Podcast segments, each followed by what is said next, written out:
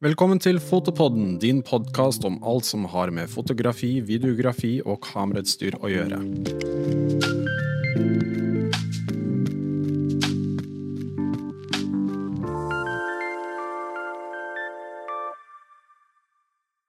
For et par måneder siden lastet min gode venn Andy Ax opp en video om hvorfor kreative mennesker kan være sårbare. Det var en paneldebatt med lege Wasim Sahid, filmskaper Mathias Lien og dagens gjest, regissør Frøydis Moen. Velkommen.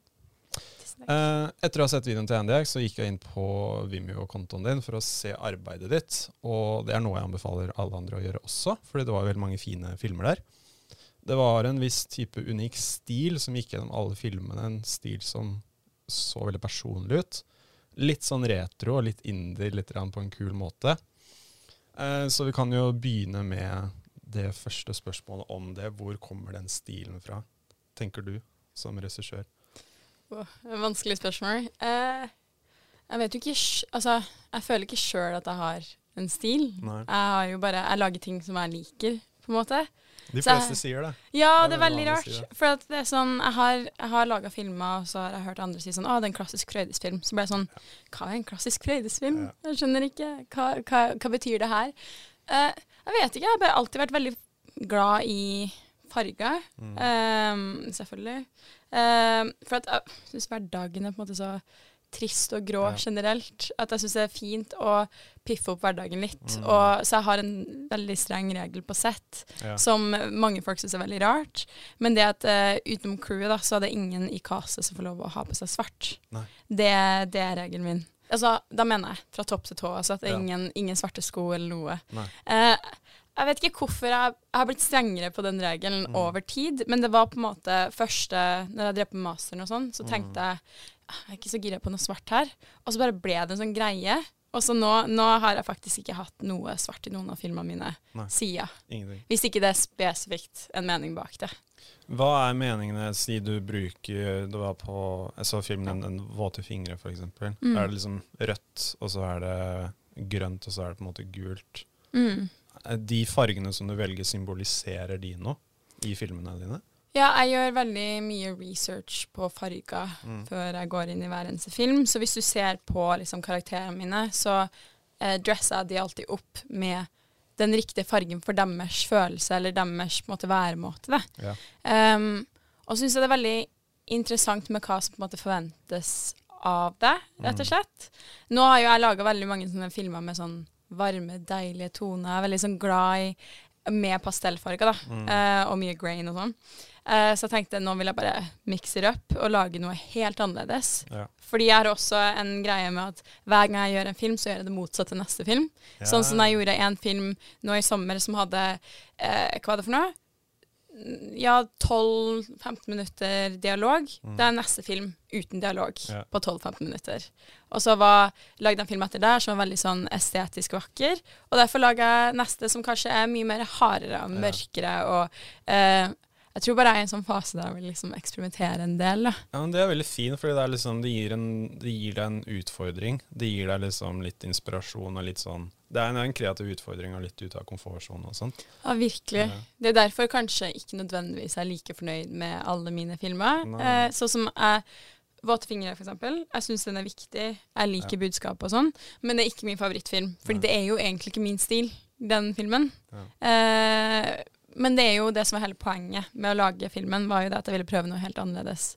Så jeg er veldig sånn eksperimentell Mm. og har lyst til å prøve masse forskjellig, sånn at jeg da kan si at jeg har på en måte perfeksjonert det jeg på en måte Ja. starta med, da. Ja, jeg ser for meg liksom sånn, i hvert fall på starten av, av en filmkarriere, så er det viktig å prøve mye forskjellige ting også. Og bare finne ut hva, ja, hva er det du ønsker å drive med, men også ha den erfaringen. da. At Mm. liksom, du gjør masse forskjellig.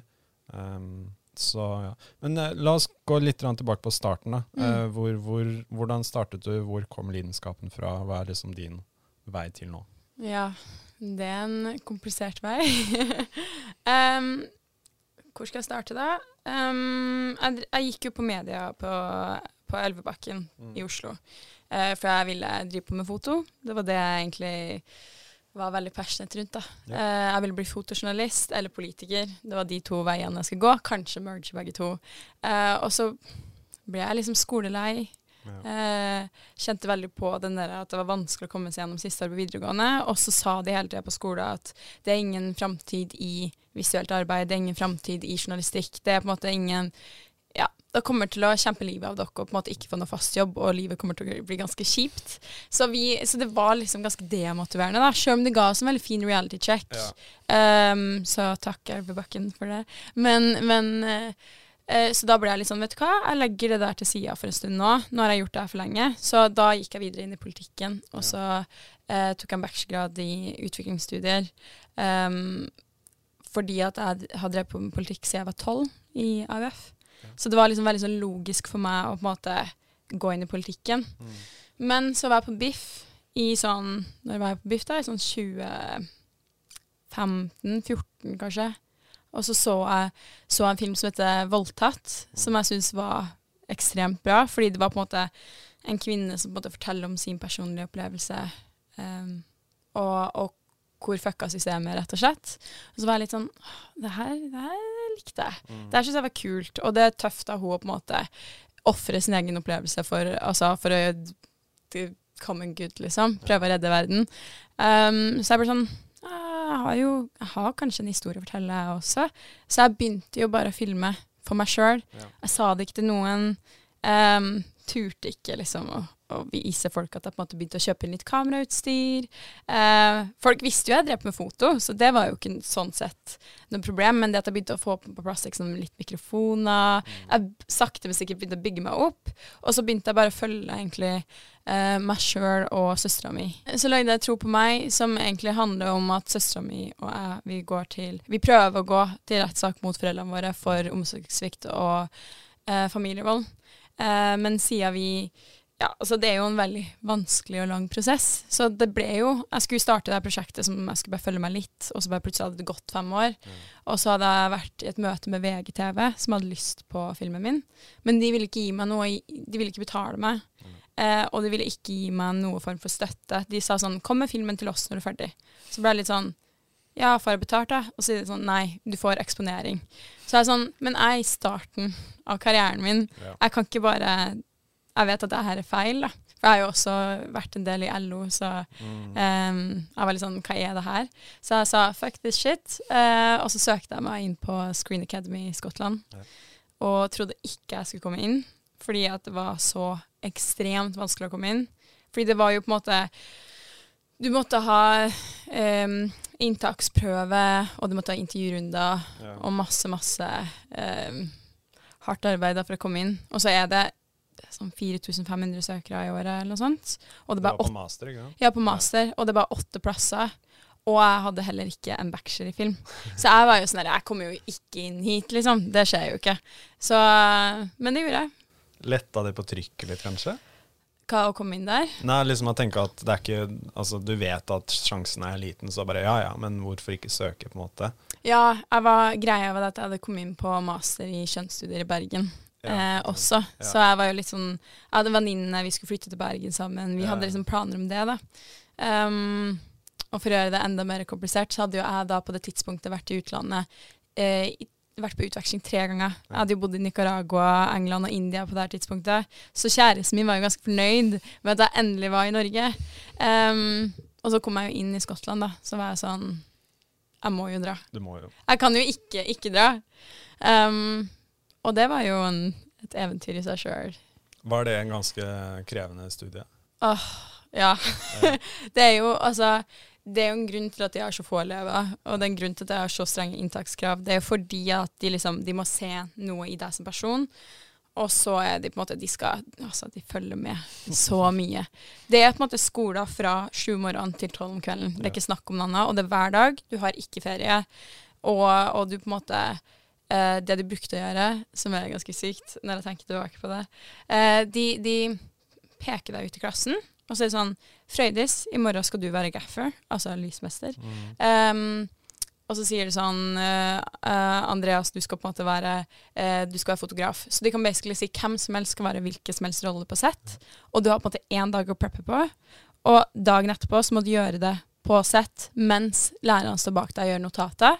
På slutten av dagen så stiller de deg opp i klasserommet og gir deg feedback foran alle på hvor flink du har vært. Så det var som militærgreier. Litt annerledes enn bacheloren jeg tok i England, for å si det sånn. ja. Ganske, ganske stor forskjell. Altså Det å studere i utlandet det har jo sine positive og negative sider. Hva er på en måte liksom det positive du fikk ut av det? Hva er på en måte liksom de utfordringene som kom etterpå? da? Som f.eks. å etablere seg i Oslo eller i Norge igjen. da. Kan Mm. være litt vanskeligere hvis du ikke gikk på skole her, f.eks. Ja, altså Som sagt så kom jeg jo inn med en bachelor i eh, politikk og Mm. ikke i film. Så jeg var den eneste i klassen som ikke hadde noen filmbakgrunn, utenom fra videregående, på en måte. Så det var jo et ekstremt stort hopp, altså rett inn på mastergradnivå, og lærerne dine er liksom tidligere sjef av BBC, på en måte. Det er jo ganske skumle greier. Um, men jeg jobba livet av meg. Jeg sov ingenting på ett og et halvt år. på en måte. Jeg bare jobba, jobba, jobba. jobba. Og jeg gikk jo fra på en måte nederst på rangstigen til uh, å bli toppeleven i klassen, noe som pissa off de andre veldig veldig mye. Fordi de andre kom jo inn i troa om at de kunne veldig mye, som de for så vidt gjorde. Eh, og så bare eh, Hva jeg skal si Sakte, men sikkert så tok jeg igjen de på nivået, da. Ja. Jeg trodde ikke at jeg skulle komme dit, men så gjorde jeg det fordi at jeg bare jobba så mye, da. Så det var jo vanskelig, og jeg lærte sånn, du, mye. du ville på en måte eh, bevise dem feil? litt sånn, Veldig. Var det motivasjonen? Ja, men det er også VGTV i Norge, og jeg var litt sånn Og på videregående så fikk jeg heller ikke lov til å være med i filmklubben. På, altså det, det er helt sykt. Guttene sa bare sånn ta mikrofonen og stille i hjørnet. Så de bare liksom De, de ville ikke ha meg der. Eh, så det var på en måte veldig mye rejection hele veien. Eh, og jeg visste jo at jeg dri ville drive med film, Ja. men jeg følte jo liksom jeg turte på en måte ikke å si det høyt, fordi at alle sa at jeg ikke kunne gjøre det. da. Ja. Um, men så dro jeg ut, ut fra skolen med gode karakterer og lærere som likte meg, så jeg var fornøyd. Eh, og så kom jeg tilbake til Norge um, og hadde litt sånn troa på at i Oslo skulle det liksom bli litt Jeg vet ikke om jeg trodde det skulle bli enklere, men jeg, jeg kjenner mange i Oslo. Mm. Eh, og det her er byen min, på en måte. Men det var Altså, det er fortsatt kjempevanskelig å ikke ha gått på skole i, i Norge Ja. når du driver med film. Fordi jeg bare Jeg får jo Hvor, hvor finner man ut om jobbene? Fordi jobbene utlyses ikke engang. De, de gis videre til neste venn. Ja. Um, hvordan kommer man seg på innsida av det nettverket? Eh, så nå føler jeg at jeg er litt sånn mellom forskjellige sfærer. da. Jeg er på en måte en outsider, men er mer på innsida enn jeg var for to år siden når jeg kom hit. Ja. Så jeg syns det er veldig, veldig liten sånn elite, elitegruppe. Ja, det kan på en måte gå begge veier, tenker jeg. Fordi um, altså, jeg har jo fått det spørsmålet også, det har sikkert du også fått. Altså, hvilken skole gikk du på liksom, i Oslo, eller gikk du på filmskolen i Lillehammer, eller gikk du på Kabelvåg? Det liksom, det er på en måte en av de Mm. som folk regner med at du gikk på. Mm. Men når du sier at du studerte i utlandet, så blir du plutselig en mye mer interessant person. Mm. Når du først kommer inn i miljøet, det er jo vanskelig å komme inn i miljøet, men når du først er der, så blir du på en måte liksom den ene personen som studerte i Skottland, hvis du Mm. skjønner. Du, er liksom, du skiller deg ut med en gang, da. Og det er i hvert fall, hvert fall for andre som har studert i utlandet også, så blir du mer interessant. Fordi andre som studerte i utlandet vet også hvordan det er å liksom og det som jeg sa, Vi hadde hun eh, Maren innom oss, og vi snakket mye om dette her. Liksom, det er ingen som tviler på lidenskapen din Mm. når du sier at du har tatt en master i Skottland. Så er det ingen som tviler på at du har lidenskap for dette her, hvis du skjønner. Yeah. Fordi du hadde ikke gjort det hvis, Mm. du, ikke, hvis, hvis du ikke hadde lidenskap for det. Så de som skjønner den tankegangen der, putter deg liksom da øverst på lista, da. Men som sagt, det å komme seg inn i det hele tatt, er det som er utfordringen. Ja, ikke sant. Men jeg vet ikke helt. Altså, sånn, jeg skulle gjerne likt å si at jeg er på en måte enig i det du Mm. sier her, men jeg tror faktisk ikke jeg er det. Fordi jeg vet ikke, jeg har vært, det har skjedd så mange ganger nå at jeg har vært på sånne bransjemøter og sånne ting, og så kommer, kommer de bort til meg og sier de, ja, hvilken skole gikk du på? Gikk du på Mm. Lillehammer? Så sier jeg nei, jeg gikk på Screen Academy i Skottland. Nummer én, de stiller aldri noe spørsmål om hvilken skole det var, eller om det var bra, eller ikke sant. Så lenge det ikke de tre skolene i Norge, så er det uinteressant, får jeg følelsen av. Og nummer to, det de sier til meg, at du burde ta en eh, master på filmskolen i Lillehammer. Og så sier jeg, ja, men jeg har en master. Og de bare, jo, jo, men du bør få det for å få liksom Lillehammer-stempelet på det. Og så ble jeg Ja. sånn, «Ø, så du sier at du vil at jeg skal ta en ny master på noe som jeg anser, unnskyld Lillehammer-folk, men som en kanskje litt dårligere skole, Ja. fordi at du vil at jeg skal ha Lillehammer-stempelet på det. Da tenker jeg heller at det er viktigere at vi åpner dørene våre for at det, er, det å dra ut i verden er jo og, og, Altså, det er jo Det gir et annet perspektiv, da. Absolutt. Pluss at det finnes ekstremt mange bra skoler. Altså det er jo Norske skolene, filmskolene, er jo ikke på topp ti i verden. Så det er jo på en måte, så lenge det ikke er det, da, så kan ikke de si at alle andre skoler gjelder ikke. Det syns jeg blir veldig Jeg er helt enig. Jeg er helt Arrogant, enig. Og jeg, had, liksom. jeg hadde, hadde den et par ganger, jeg også. Ja. Men noen ganger så møter du noen som har det andre perspektivet, da. Som er litt enig i det du sier òg. Og Mm. Ja. du vil jo også tenke det når, du, når dagen kommer hvor folk skal liksom gå til deg for å få jobber og sånt. Mm. Så vil du også ha den tankegangen. Så det er liksom Du møter en gang iblant så møter du de folka som tenker at det er mer interessant da, enn Mm. at man gikk på Lillehammer eller Westerdals eller hvor man gikk. Mm. Det skal sies at jeg tror at ting holder på å åpne seg litt. Ja. Det er bare litt kjipt å være en del av den første generasjonen som blir Ja. liksom avvist eh, Ja. fordi at jeg var, har gått i utlandet. Ja. Men herregud, jeg kan ikke gå ut og bare gå, være trist eh, og sinna heller. Da får jeg heller lage gode nok filmer. Ja. Det er vel planen framover. Bevise folk på det. Ja, nok en gang skal jeg bevise at jeg får det til.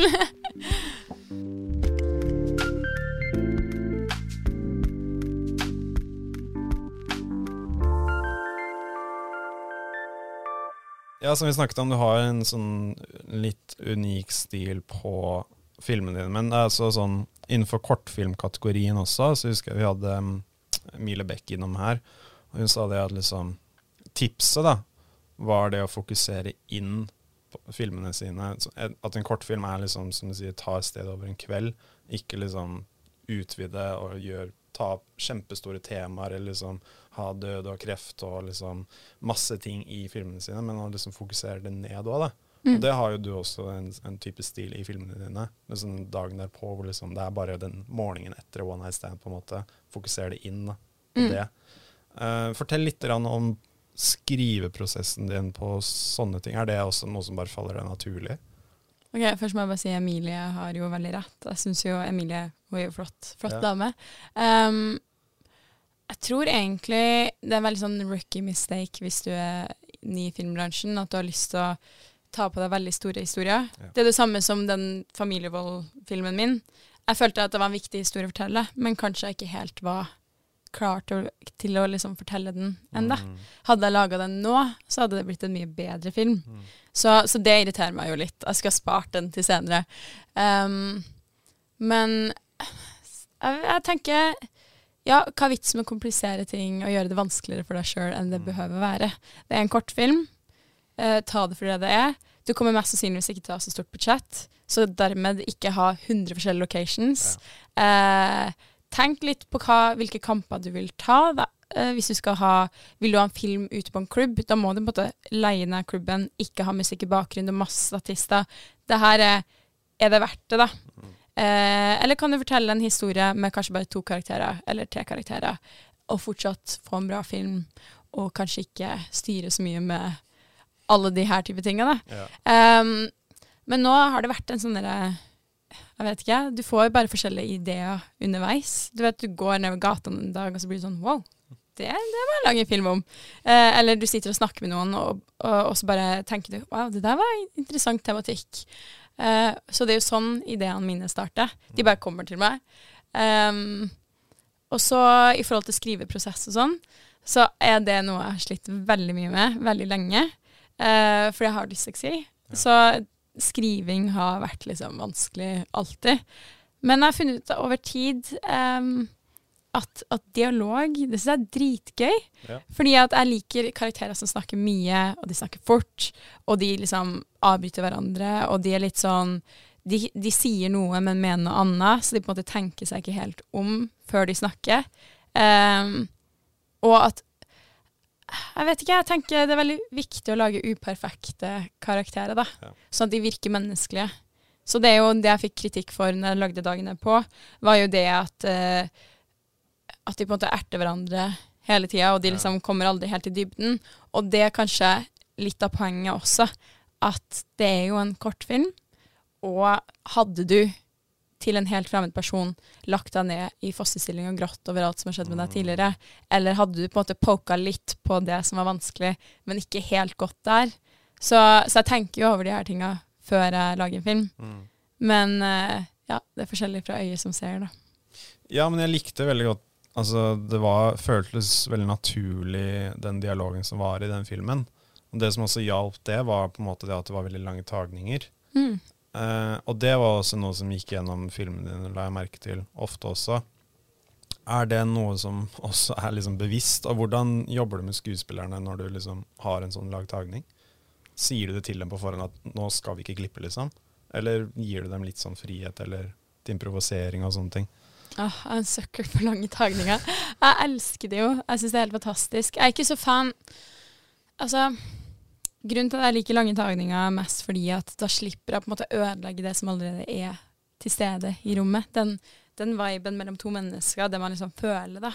Um, og uh, jeg bare Det er liksom Jeg driter i forskjellige vinkler hvis jeg kan på en måte få det samme eh, Samme med en one take. Mm. Jeg tenker det blir bare unødvendig ekstra arbeid og jeg mister mye av den følelsen jeg er ute etter.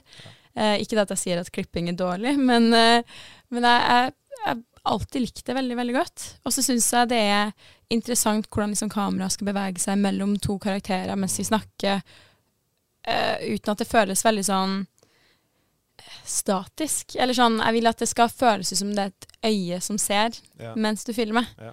Eh, så du som seer er på en måte en del av det som skjer. Eh, for jeg tenker, Det er jo det som er greia med statisk eh, og shot reverse shot, eller, eller generelt dolly tracks. At det er så veldig, det, det er nesten for perfekt. da. Mm. Eh, og du må ha en historie som passer til å ha en perfekt verden, for å bruke de type tinga. Og mine, mine historier er ikke perfekte. Eh, jeg liker at de er litt, litt flawed på sin måte. Jeg syns det er sjarmerende. Ja. Ehm, og så er det jo egentlig, i forhold til skuespillere, så elsker jeg jo å improvisere litt. Det spørs jo veldig på filmen, da. Mm. Men jeg bruker å på en måte si sånn For meg så har det her og det her og det her må vi komme fram til. Hvordan dere sier det, er ikke så nøye for min del. Så lenge dere kommer dit. Mm. Uh, du må reagere på det punktet, og så sier du det tilbake. Mm. Så da har de på en måte si det her er fem sider, da. Men da gir jeg de på en måte tre bullet points som de må holde, forholde seg til. Ja. Og så sier jeg kjør på, jeg bryr meg ikke hvordan dere kommer dere dit. Og så sier jeg til kameraet følg der handlinga skjer. Mm. Eh, bare go with the flow. Her, vi, her tester vi ut sammen. Eh, og da ble det dagen derpå. ja, ikke sant? Ja, fordi egentlig så dagen derpå en hel one take. Ja. Men eh, fordi at det er jo liksom eh, Vi ville jo også mikse det opp litt, da med å ha Ja. under dyna og sånne type ting. Ja, ja, Bare for å bryte litt opp i det vi også laga. Um, så vi kunne lett ha gjort den i en hel one take i tolv minutter hvis vi ville. Eller den 15. Jeg tror kanskje nesten 15. Ja, Ja. Sånn. Mm. Kult.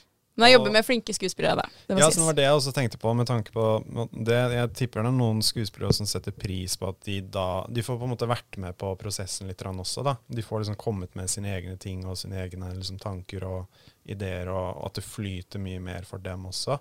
Mm. Um, kanskje hvis de kommer fra teater, så er det litt annerledes. Jeg vet, jeg vet liksom ikke helt. Men- Ja.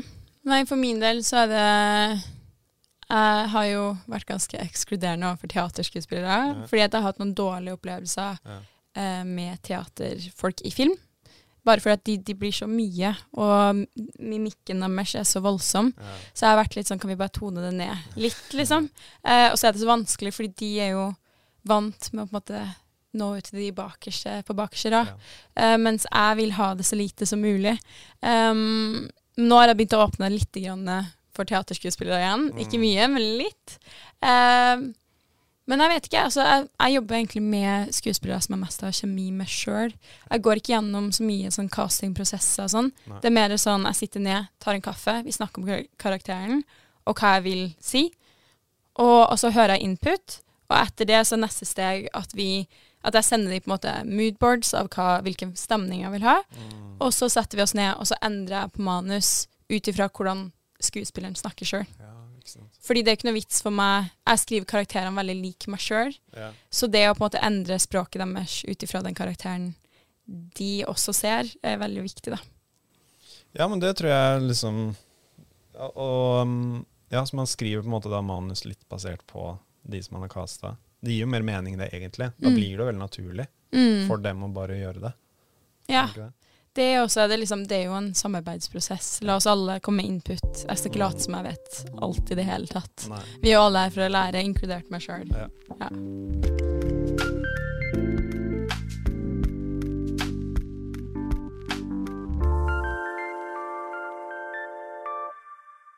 Men hvordan er det med tanke på altså Du har laget mange kortfilmer og gått den veien der. Jobber du også kommersielt på reklamer og sånne ting?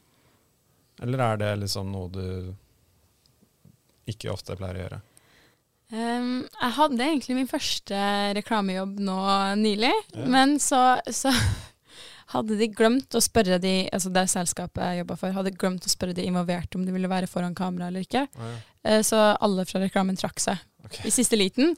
Så den ble jo avlyst. Ja. Eh, Jeg, fikk eller jeg får heldigvis betalt fortsatt for den reklamen. Ja. Um, men jeg tror reklameselskapet syns jeg er litt skummel. Mm. Eh, en ung kvinne med sterke meninger. Eh, jeg tror bransjen syns det er skummelt, og i Mm. hvert fall reklamebransjen. For jeg tror folk er redd for at jeg skal dømme dem.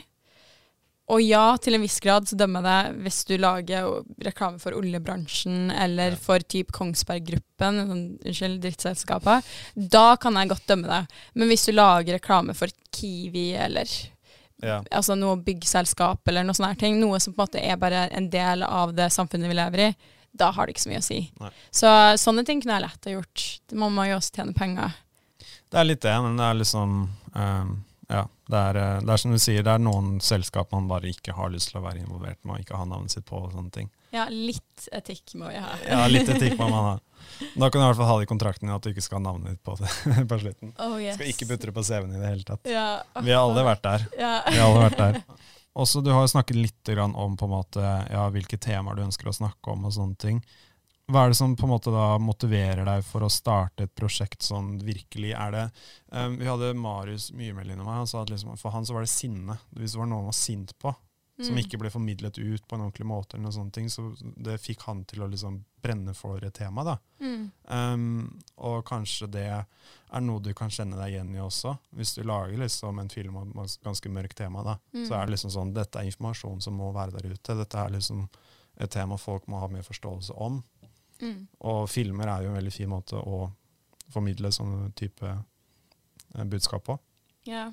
Altså, nå skal ikke jeg legge noe skjul på at alle mine filmer er skjult sosialistisk propaganda, liksom. Det er jo det jeg gjør. Eh, nå har jo jeg en politisk grad og har drevet med politikken. Mm. Altså, jeg starta min første politiske kampanje når jeg var seks, på en Ja. måte. Så, så eh, at filmene mine er politiske, er det ingen tvil om. Nei. Og det er jo der det kommer fra, da. Eh, jeg syns jo verden er veldig et veldig urettferdig sted. Um, og, og man blir jo sint fordi man ser at noen lever i luksus og har det veldig veldig bra, mens andre ikke får det livet de burde ha, altså, burde ha fått og fortjener å ha. Sånn som jeg leste nå i avisa i går, åh, jeg ble så sint, at eh, miljøarbeidere, helsefagarbeidere, eh, betaler mer i skatt enn mange milliardærer i Norge i dag. Fordi pga. statsbudsjettet som Høyre har lagt opp, og Frp og de andre. Men, men jeg syns det er helt hårreisende. Det Altså, jeg, har, altså det var, jeg var så sint. Jeg kom på jobb, eh, jobb i går, jeg har en uh, sidejobb. Um, og jeg bare fortalte kollegaene mine om det her, for jeg, bare, jeg ble så frustrert. Jeg bare skjønte ikke at folk kan på en måte bare godta det her og gå videre med hverdagen sin. Jeg klarer ikke å lese en sånn artikkel og etterpå gå videre med dagen min uten å tenke på det. Da sitter jeg, da sitter jeg uh, Sier jeg vasker over et bord, da. Da vasker jeg ved bordet mens jeg tenker på det. Da går jeg og hører på musikk mens jeg tenker på det. Jeg ser på folk, tenker på det. Jeg blir helt sånn obsess, liksom, på den tanken. Så, så den, det, jeg tror det her er noe, liksom, klasseskillet i Norge er noe som jeg brenner ekstremt mye for. Eh, og liksom forhåpentligvis få endre det. Uh, fordi vi er liksom på vei inn mot et todelt samfunn, og jeg vil ikke være på feil side av historien. Jeg vil ikke være en av de som var med på å bare godta at ting ble verre, og så sa jeg ingenting før det var for sent. Uh, så jeg tror nok mine framtidige filmer kommer til å ta opp den tematikken ganske sterkt. Ja. Det er bare det at jeg prøver å finne balanse mellom hvordan kan jeg ta opp en tematikk uten å på en måte presse ned propaganda i fjeset på folk. Mm. Altså sånn Dagen derpå handler om kvinnelig seksualitet. Men det er, det, det er jo ikke det første som slår deg når du ser filmen. Det handler om relasjon mellom to mennesker. Ja. Men det handler om at han vil ha mer, og hun ikke vil ha mer. For alle jenter vil ikke ha en fast partner. Ikke sant? Så jeg liker å ta opp tematikk på en litt mer subtil måte. Mm. Ikke alle liker subtil, sånn som våte fingre er jo veldig eh, Ja, den er veldig rett på. Den er ganske rett på. Ja. Uh, det er jo tro på meg også. Den er jo veldig rett på at liksom, familievold og omsorgssvikt er ikke bra. Det er jo ganske åpenbart.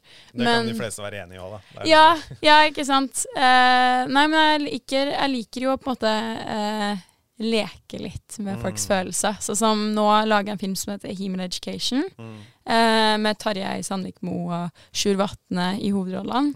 Ja. Um, og den starta jo ut ifra at jeg satt og leste avisa en gang. Altså, jeg må ha avisstopp, liksom. Jeg blir så provosert.